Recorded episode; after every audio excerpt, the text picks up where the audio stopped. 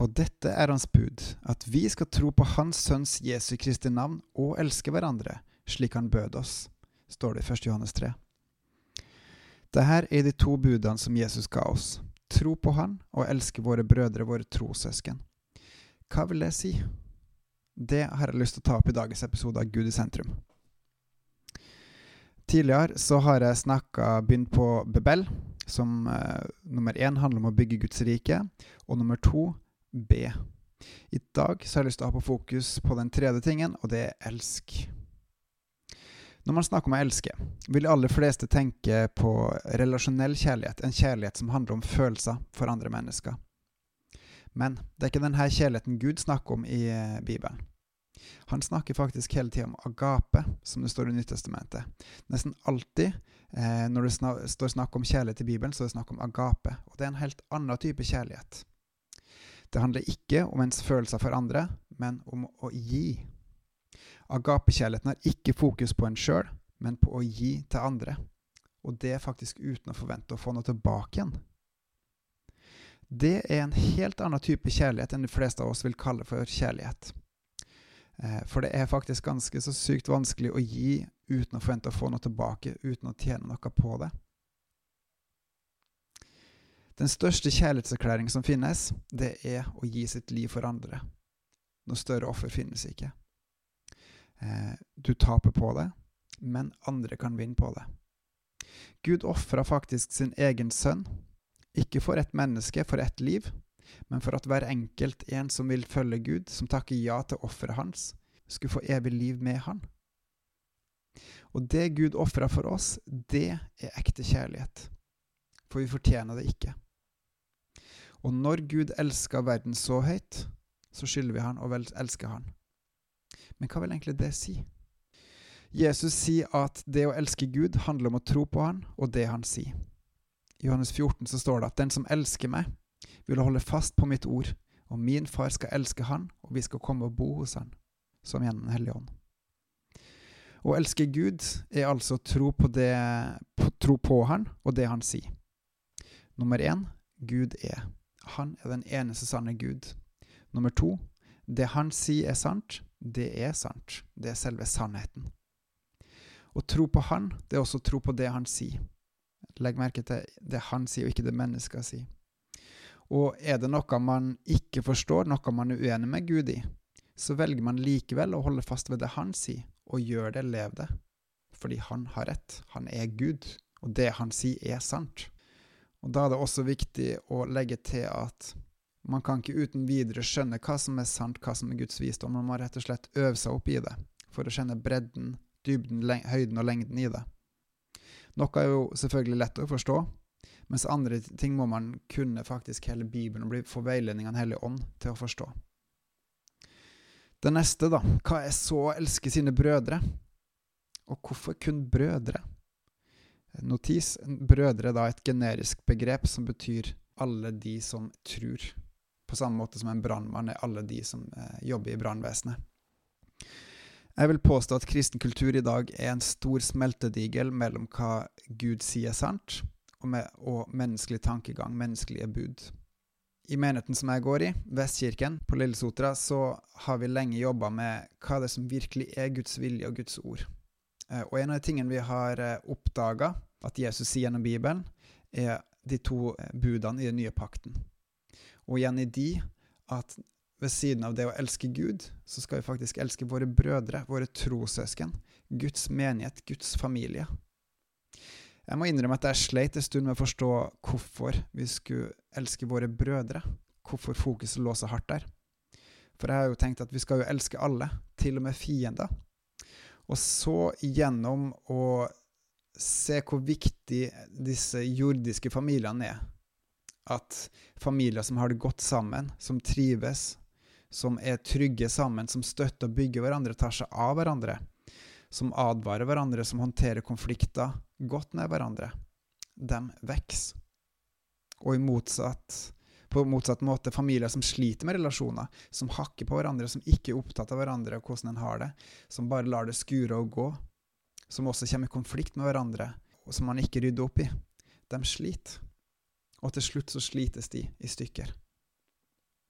Og akkurat den sannheten der er det faktisk Jesus sjøl som også sier at om et hus kommer i strid med seg sjøl, kan ikke huset bli stående. Så nettopp gjennom det her så har jeg skjønt at Guds familie må være sterk, må stå sammen, for da vokser Guds familie, og da er det enklere å nå ut til andre. Vi har altså ansvar for å elske hverandre. Det betyr ikke at vi skal nødvendigvis ha gode følelser for hverandre hele veien, eller i det hele tatt. Men agapekjærligheten er jo ikke følelser. Så vi er kalt til å gi til hverandre eh, uten å forvente å få noe tilbake. Eh, og et lite tillegg der er jo Det sier faktisk også Paulus om ekteskapet, at dem som er gift, skal faktisk gi til hverandre uten å forvente å få tilbake. Og med en gi-innstilling i familien for å bygge, støtte og advare hverandre, så vil familien bli bygga. Og det er godt. Da vil man stå sterkere sammen. Og når vi som familie har det godt sammen, da er det også videre enklere å gå ut av hjemmet og inn på andre arenaer og ta med agapekjærligheten i møte mennesker som vi ikke er i familie med. Det er jo supersmart både i forhold til jordiske livet her, og naturlig nok også for Guds familie. Eh, og Peter sier det så godt i sitt andre brev, at søskenkjærlighet, det fører til kjærlighet for alle. Altså først søskenkjærlighet, og det vil igjen føre til kjærlighet til alle. Med familiekjærligheten i bunn så kan vi gå ut og forkynne kjærligheten, og også gi og gi og gi på andre ulike måter. Det neste spørsmålet som er naturlig å stille seg, er hvordan bygger man? Jeg har så vidt allerede nevnt at det er smart å både bygge, støtte og advare hverandre. Både her på jorda og ikke minst i Guds rike. Min opplevelse er at det er veldig typisk kristne i dag å ha fokus på å bygge og støtte hverandre i verden, og så syns jeg jeg ser lite av advarsler. Men hva er det egentlig Gud fokuserer på i Bibelen, når han snakker der om hva hans sannhet er? Det er jo deriblant å søke først Hans rike og Hans rettferdighet. At vi skal tilby Han i åndens sannhet. At vi skal gå og gjøre alle folkeslag til Hans disipler. At vi skal elske hverandre, vi skal elske brødrene våre, at vi skal gjøre godt, at vi skal følge Ånden, at vi skal bære frukt i Guds rike. Hovedfokuset til Gud ligger på Guds rike, at vi skal bygge, støtte og advare hverandre i det riket. Og jeg tror faktisk dessverre at vi kristne har så lite fokus på å bygge hverandre i Guds rike at det er en av grunnene til at kristendommen har vært på retur i Vesten i det siste. Men Dersom vi kommer tilbake til den første kjærligheten, dersom vi lærer å kjenne Guds kjærlighet og leve den ut i familien vår, Guds familie, så vil vi som virkelig er kristne, igjen voksne og modnes. Og med det så kan vi bygge opp familien i Guds kraft, med hans veiledning og til hans ære. Da vil vi se at stadig flere troende reiser seg opp, tar ansvar, kjenner Gud og hans vilje og lever den og se at Guds familie går fra å være passiv til å bli en aktiv, agape-elskende familie som elsker Gud og sin neste. Og hvor jeg gleder meg til å se at det skal skje. Litt mer sånn rent praktisk.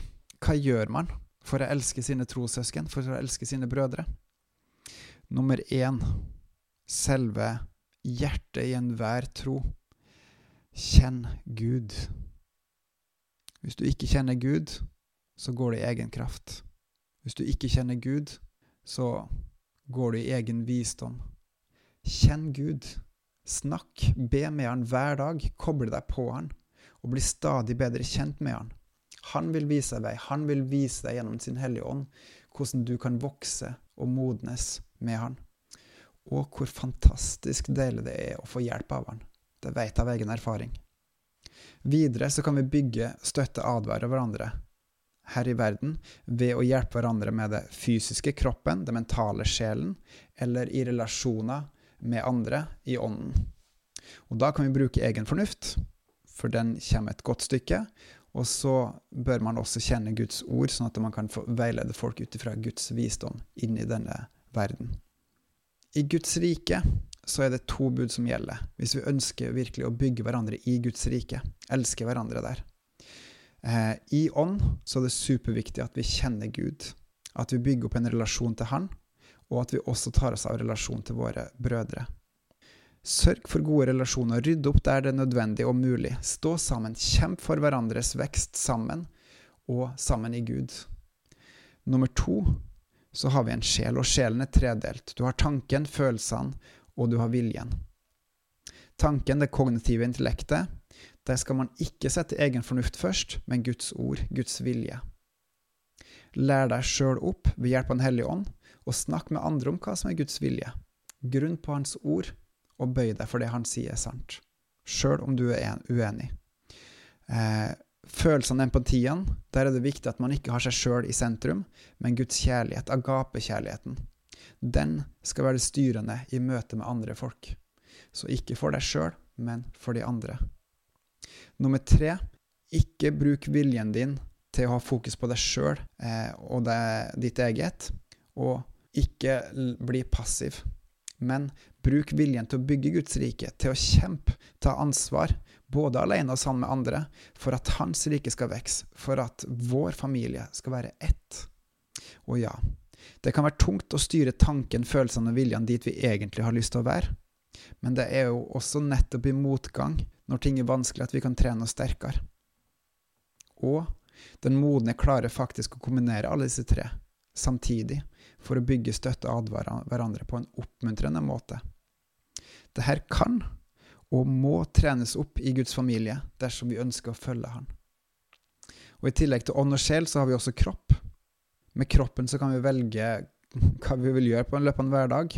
Og da er jo spørsmålet bruker du, vil du gjøre det som heter for deg, for deg sjøl, ditt og dine, eller har du lyst til å bruke kroppen til å ære Gud? Å ikke ha tid til Gud i hverdagen er å ikke ville følge Gud. Å velge å bruke tid sammen med og til ære for Gud, det er å følge Gud. Og ja, man må faktisk velge vekk eller redusere noe for å få tid til for å velge å bruke tid med Han og bygge Guds rike. Men det er også mye mer verdifullt å gjøre det enn å bare bygge sitt eget hus.